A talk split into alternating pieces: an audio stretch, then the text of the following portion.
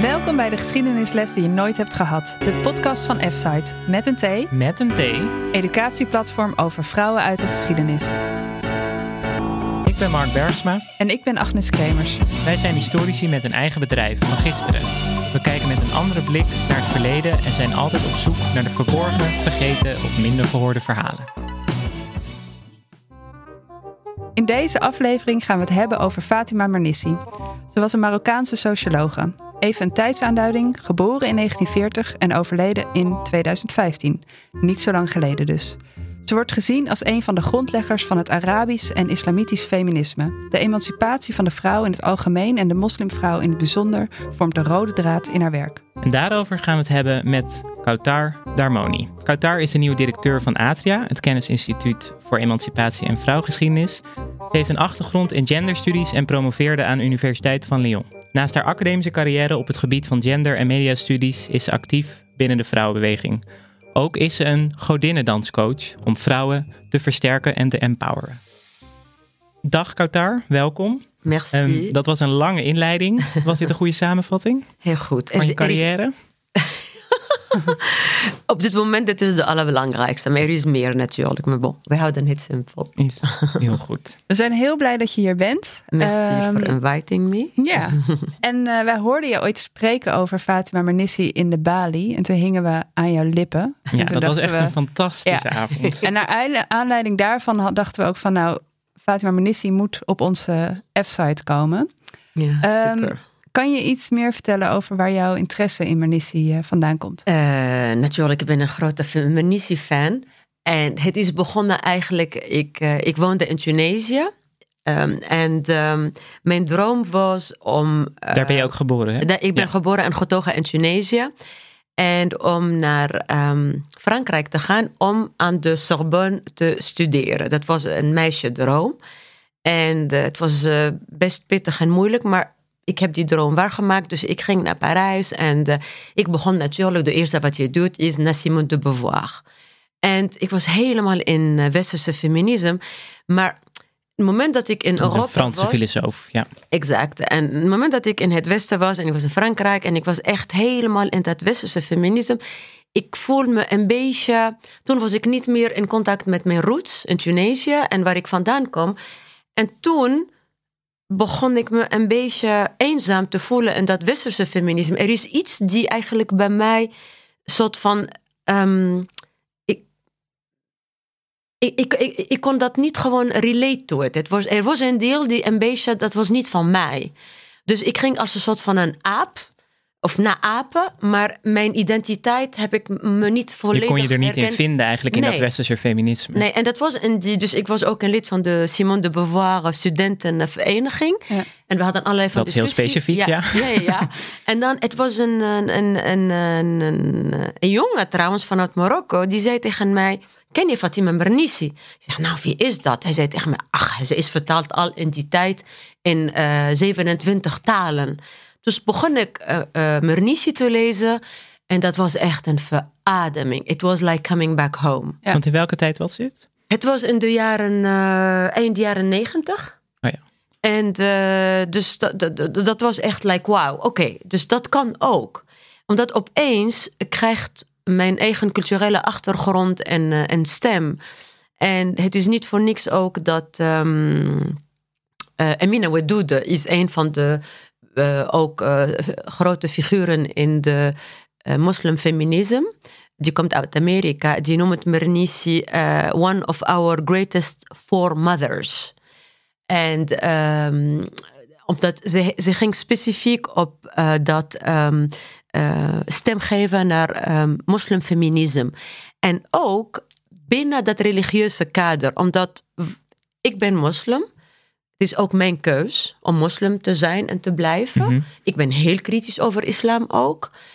Uh, maar het is niet zozeer over islam als een islam, als religie, maar meer als, een, als de patriarchale interpretatie van de islam. En Mernissi maakt, maakt dat heel duidelijk. Ja. Het probleem is niet met islam, maar het probleem is met de patriarchale interpretatie van de ulama. En dat is de mannelijk geleerden, theologen. Ja. Uh, dus voor mij, met Mernissi, omdat met westerse feminisme, ik voelde me een beetje stom Ja. dat ik ook religieus was. Ja, ik was ja. gehecht aan mijn Ja, want dat kon je daar niet in vinden eigenlijk. Nee, dat Nee. kan niet. Je, je moet, eigenlijk- als je geëmancipeerd en feminist bent, dan moet jij antireligieus zijn ongeveer. Een beetje, ik, ik chargeer eventjes, Ja, of atheïst. Ja, los van Ja. alles. Ja. Maar dus dan, ik voelde alsof ik moest mijn religie ehm, achterlaten om geëmancipeerd en feminist. Dus ik raakte helemaal in de stress en in paniek. Ja. En, en dan, ik dacht, oh, ik kan niet en moslim zijn en feminist zijn, maar met Mernissi, dus het kon, het kon er wel. Ja. En Mernissi ook, wat was heel belangrijk, opeens is ook eh, emancipatie en feminisme niet meer een Eurocentric verhaal. Ja, dus niet alleen maar vanuit dat westerse, Europese manier van denken. Ja. Dat was ook heel belangrijk. En last but not least, eh, de boodschap van Mernissi is heel positief en vol met hoop en plezier en humor Ja. en Ja, grapjes. daar stond ze ook om bekend. Ja. En miste je dat in het westers feminisme? Gaan we niet gaan we het stereotyperen, het westers feminisme. En deze was een in- Zo, Ja. zo, toch? vind ik dat een beetje. Ik mis een beetje humor en zelfspot. Ja. En, Ja. en, en, en met Mernissi heb je dat heel veel. En dat, Ja. vind ik, dat vind ik gewoon fijn, omdat dan wordt het opeens speel. Want Ja, dat deed je op die avond in de Bali eigenlijk ook. Ja, Dat verbinden, die boodschap. Dat, Ik denk dat wij kwamen toen eigenlijk Ja. door Fatima Mernissi. En dat Ja. raakte ons toen wel heel erg. Maar dat is eh, als Arabische vrouwen onder elkaar zijn, ondanks alle ellende dat je kan. Dat zie je ook in een van de boeken van Mernissi, Verboden. Ja. Ja.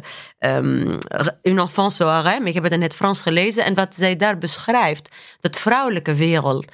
Die is ook vol met eh, grapjes Ja. en humor Ja. en de sensualiteit Ja. en vrij en de spelen en zelfspot. En dat is toch heel erg leuk. Het is heel inspirerend, vind ik.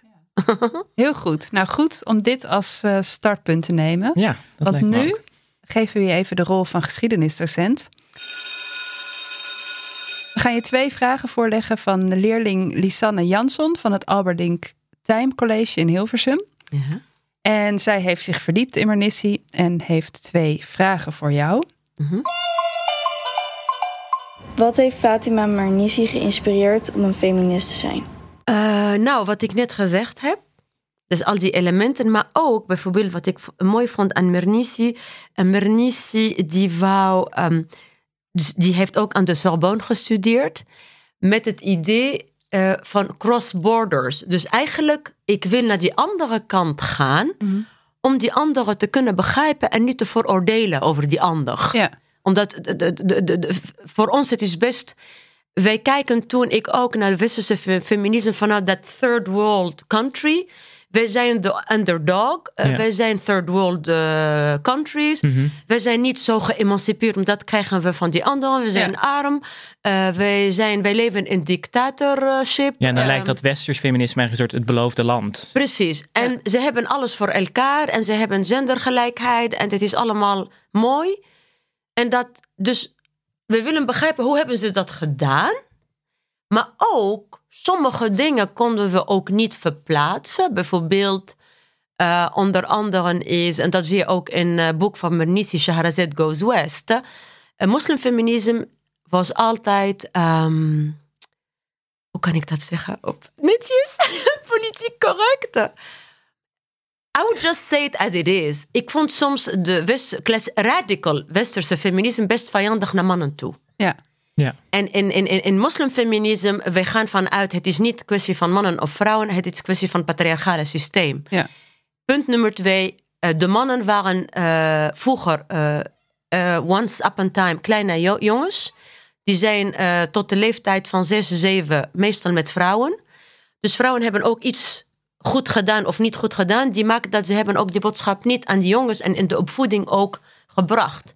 Dus we kunnen die verantwoordelijkheid van die dysfunctionering niet alleen bij de mannen. nee, Dus er is een soort van meer understanding en empathie Ja, dat het een soort gezamenlijk iets ja, moet zijn. naar de mannen toe. Van dat we zijn beide eh, eigenlijk eh, verantwoordelijk voor het systeem. Ja, ja, ja. En we gaan dat samen oplossen. ja, So it's much more inviting voor mannen dan westerse feminisme. En dat vond ik ook heel mooi in de boeken van Mernissi.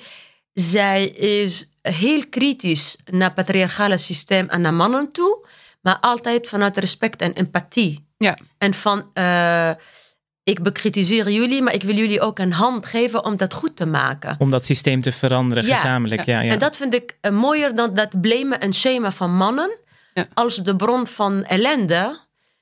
En dat victim feminisme van eh, wij zijn in de ellende vanwege jullie gedrag, omdat ik denk dat is niet per se constructief. Nee, daar komen we niet mee verder. Maar ik denk dat het nog wel even goed is om even in te zoomen op de achtergrond van Mernissi ook. Want Mhm. nu hebben we heel veel over haar werk. Ja. Mhm. Maar eigenlijk, want ze heeft een, een enorm interessante achtergrond Mhm. en een jeugd. Kan je daar iets meer over vertellen?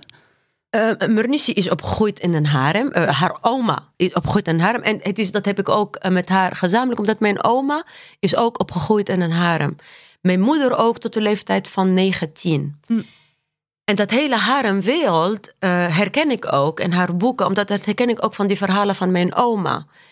En mensen denken in het Westen dat haremvrouwen zijn zielig en zwak en helemaal gesloten. Het is helemaal niet waar. Uh, ze zijn heel sterk, ze zijn uh, strategisch bezig, ze regeren alles achter de schermen. Ze zijn heel erg bezig met seks en met. Uh, ik weet dat mijn oma, omdat in een huis van mijn oma. Kun je misschien van, het concept harem nog even. Een, een harem is eigenlijk een. Het is die oude Arabische huizen. Waar jij geen ramen hebt aan de, naar de buitenwereld. Dus je hebt een patio van binnen. Mhm. Mm -hmm. En dan in die patio, meestal binnen huis, leven de vrouwen met uh, die enige mannen die daar mogen er zijn, is de, de echtgenote, de vader, de broers en de zonen. Maar verder, het is strictly verboden voor mannen die niet bij dat, zeg maar, stamtribe horen. En die vrouwen mogen in principe niet naar buiten. En als zij naar buiten gaan, ik weet dat mijn oma zei altijd, um, toen ik zei dat ik naar Parijs wou, zegt ze, wat? Parijs? Uh, uh, een vrouw verlaat het huis van haar vader voor twee bestemmingen. Of naar haar huis van haar echtgenoot of naar haar graf. Dat vrouwen mogen niet naar buiten, klaar, ja, punt. Ja, ja. Maar dat betekent niet dat die harem een gevangenis is. Omdat binnen huis de vrouwen zijn best machtig en ook vrij. Ja. Dat laat ze heel mooi zien. Maar Mernissi had dus die dwang om juist naar buiten te gaan Ja. en juist naar Europa en juist te studeren. Ja. Om kennis te verzamelen, omdat kennis is macht. Maar is het zo? Ik bedoel, dat is, was geen vanzelfsprekendheid dat ze dat Nee. ging doen. Nee, want ze is in hoe, hoe is 1940 zij? geboren. Ja, 1940 geboren inderdaad. Mhm. En daar zit zij 20 jaar volgens mij Mhm. in de harem. Hoe, hoe, is zij, hoe is zij daaruit gekomen? Kan je daar iets over vertellen? Ze was heel geïnspireerd door haar oma, Mhm. Jasmina. Die haar eh, altijd eh, ontmoedigt en, om te studeren. Omdat eh, er is een, vanuit de islam er is een heel mooie hadith van de profeet Mohammed sallallahu wasallam. En die zegt, "Utlub al-mahda min al-ilmi ila lahdi." Betekent, zoek kennis van geboorte tot je dood. Dus eigenlijk als je gaat kennis zoeken, you seek knowledge, dan mag je best ver gaan. Dus wat was slim van Mernissi, ze heeft alle de traditionele bronnen gebruikt om toch Om haar te weg doen. te vinden Exact. naar buiten. En dat vind ik echt super slim, Ja. strategisch. Omdat ze heeft niet de lijn gebroken met haar female lineage. Maar ze heeft wel dat op een heel strategische, slimme manier gebruikt... om toch te gaan naar die kennis vanuit Frankrijk, Sorbonne... naar Amerika, omdat ik ben ook naar eh, Amerika gegaan als onderzoekster. Dus ik heb haar pad ook Je hebt haar een gevolgd. beetje Ja, ja. gevolgd. Ja, ja, ja. Letterlijk. Ja. Ja. Letterlijk. Maar Ja. bewust? Of Yes. is, ja, nee, maar ik dacht omdat... Ja. Ik, ik wist niet dat dat kon. Ja, Maar als zij dat kon, dat, is, dat bedoel ik met een rolmodel. Ja. maar op zo'n manier ook. Met, ehm, op een creatieve, slimme, strategische manier. ja. Maar ook wat ik mooi aan haar vond, is dat nieuwsgierigheid naar het Westen ook. En wat ik mooi vond, omdat heb ik ook werk van gemaakt eh, met media studies. Eh, dus ik ben gespecialiseerd in compared media, gender en compared media. Omdat Mernissi was eigenlijk gespecialiseerd in compared gender. Ze ging letterlijk altijd de westerse emancipatie en gender eh, studies of eh, vergelijken met de islamitische achtergronden. Ja. Dus letterlijk altijd die twee werelden bij elkaar brengen. legden ze naast oog, elkaar maar ook met verbinding. Het is Ja. iemand die verbindt. Ja. ja. Ja, niet alleen maar zegt, nou dit is niet goed en dit is misschien... Nee, ze verbindt. Ze laat, dus, ze laat de schoonheid zien. Ze laat, ze laat iedereen in zijn eigen waarde. En als ze gaat dingen bekritiseren, doet ze altijd met humor en empathie. Naar het Westen, maar ook naar eigen traditie. En wat mooi is, is ehm, voor ons eigenlijk qua Arabische moslimfeministen, opeens krijgen we een stem. We belong. Ja, Ja. We belong to the big picture of feminism. We existed all, ja. all of a sudden. Was zij dan eigenlijk al een soort geboren feminist? Ook door die opvoeding met haar moeder en haar oma. Maar dat krijgen we allemaal in onze opvoeding. hè? Ik ook. We krijgen altijd standaard. Dat is ook wat, eh, wat ik mooi ook vind in dat Mernissi. Mernissi ook, al haar boeken, als je dat leest, zij gaat het altijd linken aan de geschiedenis. Geschiedenis van de, niet alleen van de islam, maar de geschiedenis van de mens. Ja. Humanisme. En, eh, eh, en dat geschiedenis, dat laat, laat ze ook zien in haar boeken, gaat ze ook heel, heel eh, ver terug. Dus bijvoorbeeld in de islam, letterlijk in de pre-Islamic geschiedenis. ja, ja. De geschiedenis van de mens. En dat vind ik ook mooi, bijvoorbeeld bij Atria. Omdat Atria, bijvoorbeeld, om terug te komen naar Atria. Wat ik mooi aan Atria, en daarom heb, ben ik de directeur van Atria ook geworden. En wou ik ook heel graag dat worden, omdat Atria is A. En wij zijn het wetenschappelijk kennisinstituut over gendergelijkheid en emancipatie. Dus eigenlijk dat academische wetenschappelijke kant. Dat geloof ik eh, heel erg in, omdat Mernissi ook, omdat kennis is de emancipatoire weg. Als je wil echt emanciperen, of je nou meisje of een jongen bent, kennis is Ja. de, de, de, de, de keyword, Ja. nummer één. Twee, Mernissi heeft haar kennis altijd geankerd in de geschiedenis van de emancipatie van de mensheid eigenlijk. Ja. En dat vind ik ook mooi bij Atria, omdat bij Atria we hebben de grootste en de oudste vrouwencollectie en uh, vrouwengeschiedeniscollectie ter wereld en de grootste in Europa. Ja. We zijn geankerd in die Ja. geschiedenis. En dat doet ook Mernissi met alles wat zij schrijft, gaat ze altijd. Want altijd de bronnen erbij. eigenlijk. Altijd. Maar ook, Ja. ook op een heel leuke, mooie, inspirerende manier. Ja. Eh, geschiedenis bij haar wordt e- eigenlijk sexy. Het Ja, is ja. mooi. Ja. Het is niet saai. Maar dat is het nooit. We doen Bij historici, ja. Want ze gaat dan studeren in Frankrijk. Wat gaat zij, heeft ze, gaat ze bepaalde vakken vol, of wat gaat ze daar doen? Ze is eh, van. eh, eh, ze, ze heeft sociologie. Ja. Dat was haar. maar wat mooi is, is ze was altijd op zoek naar haar eigen identiteit. En, Als een socioloog van zichzelf. Ja, ja, ze is socioloog. En wat ik mooi vind, en dat, op, dat is ook wat ik heel erg wens vanuit ook Nederland en vanuit Atria, dat wij al beginnen binnen onze Nederland om een hand te geven en inclusief te zijn naar die anderen.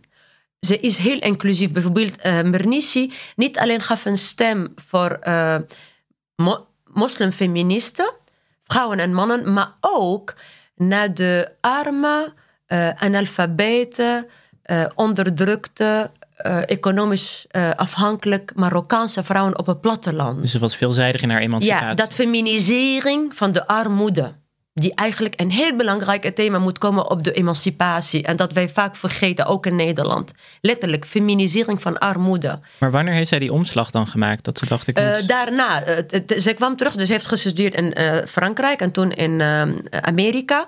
Toen heeft ze besloten om terug te gaan naar Marokko. Eh, ondanks het feit dat zij eh, kon echt een heel mooie carrière maken in het Westen. Omdat zij wou vrouwen in haar eigen lang, land helpen. Dat heeft ze heel mooi gedaan. Maar natuurlijk, als professor, eh, beroemde professor in sociologie, hoor je bij de elite. Maar dat ging ze niet eh, alleen maar bezig zijn met uh, intelligentia. Ze ging ook naar dat uh, armoede en Ja. feminisering van armoede onderzoek, onderzoek doen. En dat heeft ze echt heel mooi gedaan. Ja, ze is minder eigenlijk voor, minder voor haar eigen carrière gegaan Ja, op die manier. ja, ja, ja. ja. Dat is misschien ook Ja. wel een mooi bruggetje dan naar de tweede. Wat heeft Fatima Mernissi uiteindelijk bereikt met haar acties? Daar Nou, ga je al een beetje op in natuurlijk. Ja, ja, de, de, de moslimfeminisme een stem geven, maar ook dat feminisering van armoede. En voor eh, vrouwen die eigenlijk de, de, de kwetsbare groepen. En daarom denk ik ook in Nederland, als wij kijken over inclusiviteit, hoe kunnen we ook met die in dat emancipatiediscussie en debat ook naar de, die, de kwetsbare groepen. Ook niet alleen maar ehm, migranten of tweede, derde generatie migranten, maar ook gewoon ehm, mensen eh, in, eh, ja, ik hou niet van kleuren, zeg zwart of wit, maar ook ehm, armoede binnen de witte uh, ja, ja, de klassenverschillen. klassenverschillen. Ja, ja, Dat heeft Mernissi heel duidelijk onderzoek daarover Ja. ook gedaan. En ik denk in Nederland is ook belangrijk. Maar nog even, want zij is, ze is, was wel controversieel natuurlijk in Mhm. haar eh, gedachtegoed. Wat, wat ehm, doe rondom haar eh, nalatenschap? Mhm. Ehm, Maar Wat is tijdens haar- haar leven, toch? ja, precies tijdens haar le- leven eigenlijk. Wat is haar baanbrekende werk geweest volgens jou? Ik denk een van de allerbelangrijkste is wat zij schrijft over seksualiteit. Omdat mensen denken dat islam en seksualiteit gaat niet samen. En dat zeg ik niet omdat ik moslim ben, omdat eh, mijn vader is een imam. Als eh, meisje, ik was eh, op school bij de nonnen, in de katholieke school. Franse school. En in de zomer, omdat we hadden, het was te warm in Noord-Afrika, dus we hadden vier maanden vakantie. En dan ging ik naar een Koranieke school. Dus islamitische, streng Ja. islamitische school. En, ehm, en ik ben opgegroeid, ik ben de laatste generatie in Tunesië die is opgegroeid met eh, christenen, joden en moslims die in totaal harmonie samenwoonden. En er was geen verschil tussen A, B of C. Maar wat ik wel merkte, dat in dat theologische kader, de religie die het meest open over seksualiteit was islam eigenlijk.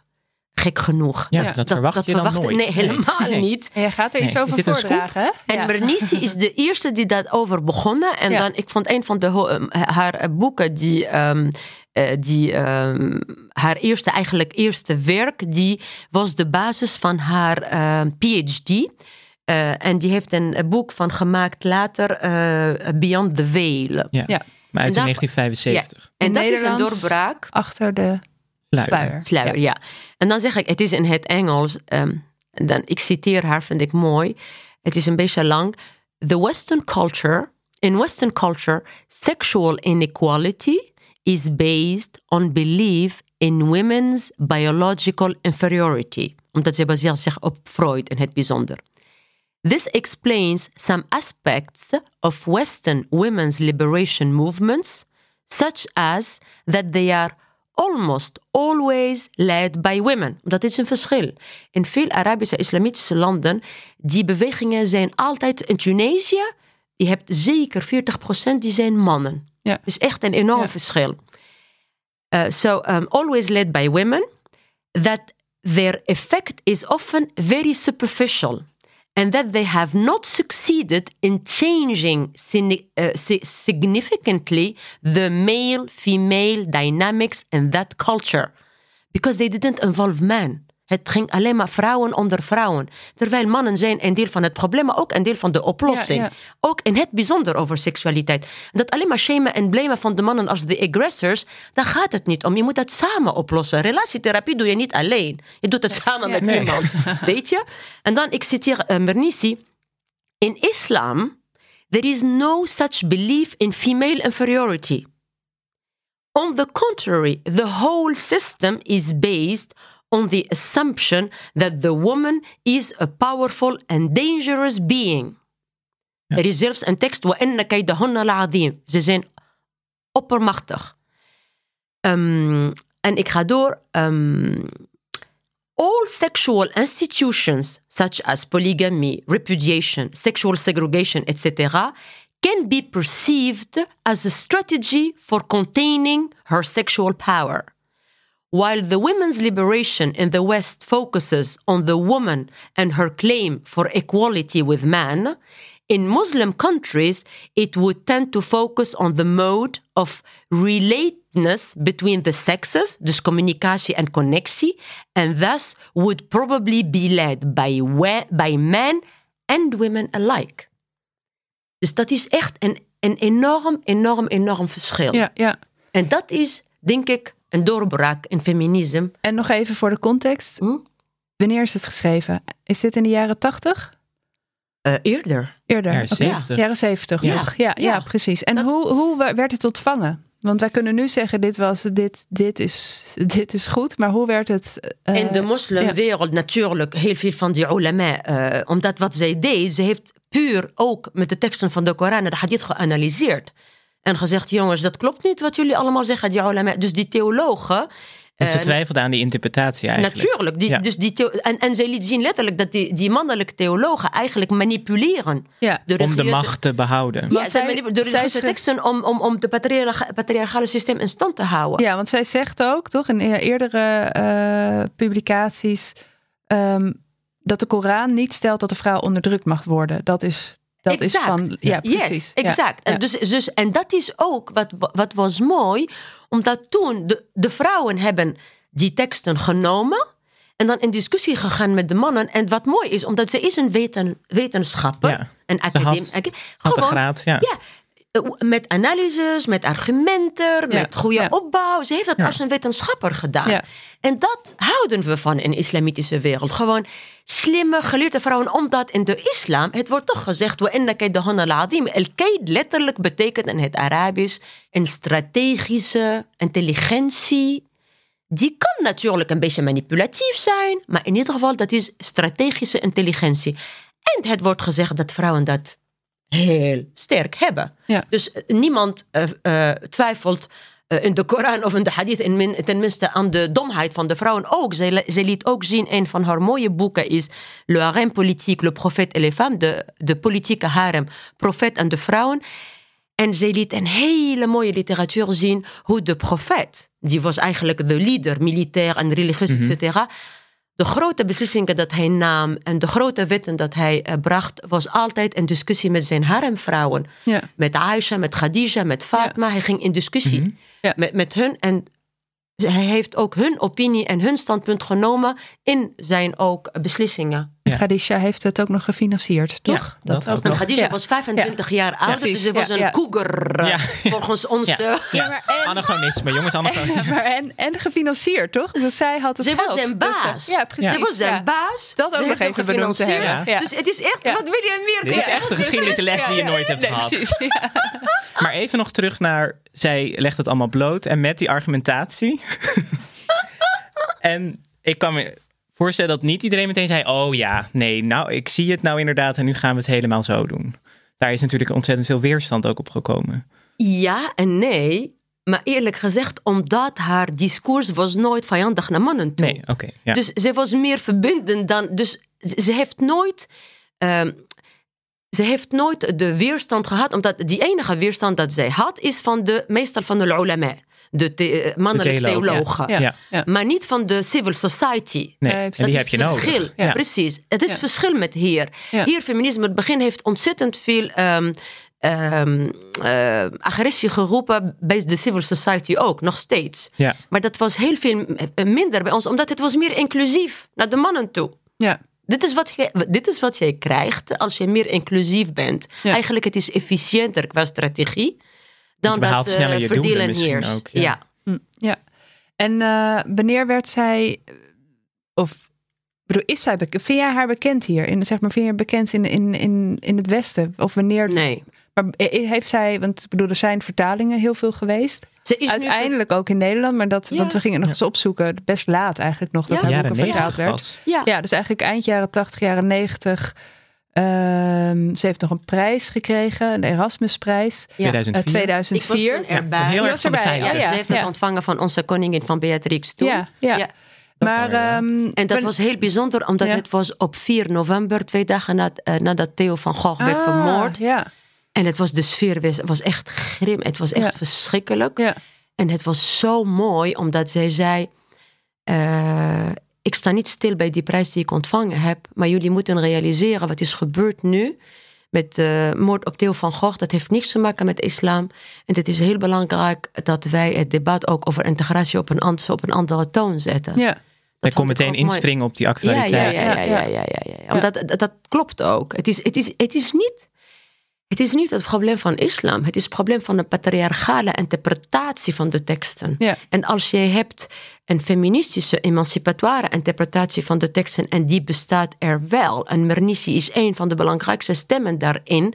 Dan krijg je een totaal andere beeld van de islam die humanistisch is, die tolerant, die open. Uh, die, je, hebt totaal iets anders. Maar dit is ook wat wij nu bij Atria ook uh, mee bezig zijn. We zijn heel erg bezig ook met inclusiviteit en diversity. Ja. En ook die andere stemmen laten horen. Dat is heel essentieel. En als je denkt, ik bedoel, een van de grootste gemeenschappen uh, uh, in Nederland is de Marokkaanse gemeenschap. Dat is ook mooi om te laten zien ook dat wij, wat willen we nemen vanuit de Marokkaanse cultuur? Marokkaanse cultuur heeft uh, op wereldniveau de derde beste cuisine ter wereld, is Marokkaans. Marokkaanse cultuur in termen van architectuur en schoonheid heeft een van de mooiste architecturale uh, geschiedenis. In terms van emancipatie en feminisme, Marokko heeft een van de rijkste traditie in de hele Arabische islamitische wereld. En wij hebben een Marokkaanse gemeenschap. Laat, laat, Die moet je laat, ook bedienen als instituut. Ja, bedienen. En laat ook dat, dat, dat je ook mag wel ook trots zijn op Marokkaans zijn of moslim Ja, zijn. ja. En dan biedt ook, laat die geluid ook gehoord worden, zodat je weet ook, emancipatie in Nederland en feminisme is meer dan Aletta Jacobs. Ik ben, ik, Zeker, ik ben, ja. ik ben, eh, ik ben een Aletta Jacobs fan. hè. Eh, ik bedoel, eh Atria was vroeger ook een Aletta Jacobs instituut. En mijn eerste doorbraak in Nederland in 2004 was toen ik de Aletta Jacobs lezing gaf. Ja, ja. En ik ben dol op Aletta Jacobs. Ja. Ja, maar je wilt je allemaal herkennen Ja. in de geschiedenis. Ik denk wat ook Amina Wadoud zegt, de four mothers van eh, feminisme en emancipatie is Simone de Beauvoir, eh, Aletta Jacobs, maar ook Fatima Ja, Mernissi. ja. Ja. Maar denk jij, bedoel, ze heeft die vele vertalingen gehad. Ik bedoel, is zij binnen de vrouwenbeweging, om het zo te zeggen, heeft ze daar haar bekendheid gekregen? Denk je dat? Die vrouwenbeweging in dat die, westerse. die Ja. niet eurocentrisch, egocentrisch, eurocentrisch is. En, een eh, stapje verder. ja. en die geïnteresseerd is in de andere kant van de wereld wel. Ja.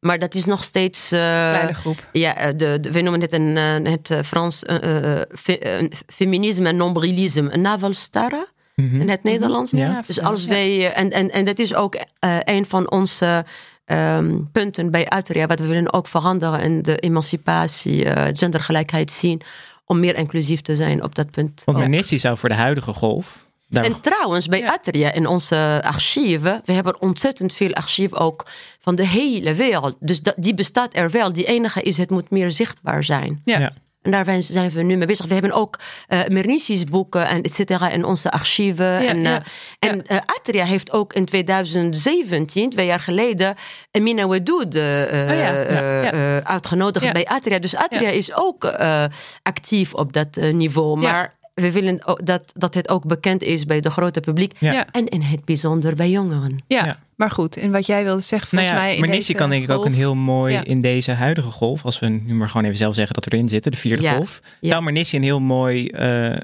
Ja. Ik bedoel, zijn. intersectioneel Ja. feminisme. Ik bedoel, dit is. Ja, en dit, eh, zij ik, mijn ja. heb een zoon, eh, hij is 14. Ik zeg zoontje, natuurlijk blijft altijd mijn baby, mijn baby. hij is nu 1 meter 85. maar mijn zoontje, die zei tegen mij op een gegeven moment, mama, je moet niet meer over feminisme praten, je moet over feminisme praten. En dan denk ik, Oh, eh, ja, ja. feminisme. En Ja. Mernissi is een van de eerste feministen. Ja. Dus eigenlijk, ik doe nog even reclame. We moeten het allemaal nu gaan lezen ook.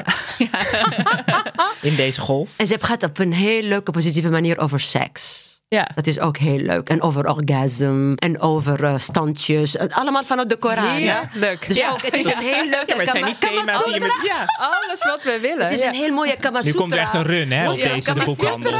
Seks zelfs. Dus dit gaat helemaal goed. De seksboeken van Ja. Fatima Mernissi. Ja. Ja, nou, Allemaal te lezen bij Atria. Ja. Eh, we gaan echt een mij- revival hiermee Ja, eh, beginnen voor Fatima Mernissi. We komen bij de laatste vraag. Deze vraag komt weer, net als bij de vorige aflevering van Nina uit Leiden. Hi, hier is Nina weer. Eh, waarom moeten we eigenlijk les krijgen over Fatima Mernissi? Ik denk sowieso, eerlijk gezegd, maar dan misschien eh, het zegt meer over iets mij. Ik denk in Nederland in het algemeen, dat zou mooi zijn dat wij sowieso meer geschiedenislessen krijgen. En het bijzonder over onze eigen geschiedenis. Als ik zie bijvoorbeeld mijn zoon, ik ben degene die altijd tegen hem de Nederlandse geschiedenis door. Want zat Ja. van ja, en Neder- de Nederlanders hebben dit gedaan en dat. En wist je dat zij dat ook deden? En sindsdien wist je dat Nederland ook Ja. was de Eerste Republiek. Weet, dus ik denk, ik vind bij een- in de Nederlandse cultuur ook, er is een bepaalde, sorry, ik ga het een beetje hard zeggen, geschiedeniscultuur barbaar. Ja. Mhm. Dus om te beginnen met je eigen geschiedenis. En eh, tweede, wereldgeschiedenis. Ja. Maar ik denk, ik geloof niet, ik denk de wereld begint bij jezelf. En als je geen interesse hebt in je eigen geschiedenis, dan ga je dat ook niet hebben voor de geschiedenis van die anderen. En dit is precies, als je ziet naar de zoektocht van Mernissi, en dat herken ik ook mezelf. Ze was altijd geïnteresseerd in de geschiedenis van die anderen. Ja. Dus toen, toen ze ging ook naar de Sorbonne, et cetera. Ze, heeft, ze, is, ze, ze ging met feminisme niet alleen maar stoppen bij Simone de Beauvoir. Ze ging eigenlijk tot aan de heksenjacht en de, de, de hele Ging naar geschiedenis de oudste de bronnen vrouw. terug Ja, om ja. het te begrijpen eigenlijk. Exact. En, dit is ook wat eh, dat zou mooi zijn in Nederland als wij ook naar die. En dat vind ik ook mooi bij Atria, dat vrouwengeschiedenis, die is zo rijk en die Ja. is zo mooi en die is zo inspirerend. En Mernissi is een deel ervan. Nou ja, ik denk, ik ben zelf geschiedenisdocent ooit geweest. We Ja. maken de geschiedenis misschien te saai in die zin ook. Ik Ja. bedoel, Ja. juist om het meer die bronnen naar boven Ja. te halen. Maken en in die voor grotere leerlingen context ook weer, van de eh, wereld ja, ook, dan inspirerend. leer je elkaar Ja. ook beter En begrijpen. à la Mernissi, omdat wat ze Mernissi doet, en dat is vind ik een van de mooiste. eh, naast eh, mijn werkzaamheden geef ik al 25 jaar trainingen in female leadership in bedrijfsleven. En dan een, het was een, iemand die werkte toen bij Unilever trouwens. En die zei tegen mij, als wij internationaal bezig zijn met iets, met, ehm, met, eh, met strategie, eh, gaan we dat meer vanuit de Nederlandse en Duitse kant doen. Strategie, organisatie, alles. Met design en schoonheid gaan we naar onze Italiaanse team. En met storytelling gaan we naar onze Dubai-team. Omdat Arabische cultuur een storytelling cultuur. En Ja, als je ja. leest de boeken van Mernissi, dat vind ik ook prachtig hoe ze Is- dat doet als een wetenschapper. She's always telling stories. ja. Ze is altijd van. En dit is denk ik ook als wij naar de. En bij Atria bijvoorbeeld, wat ik mooi ook vind aan onze archieven.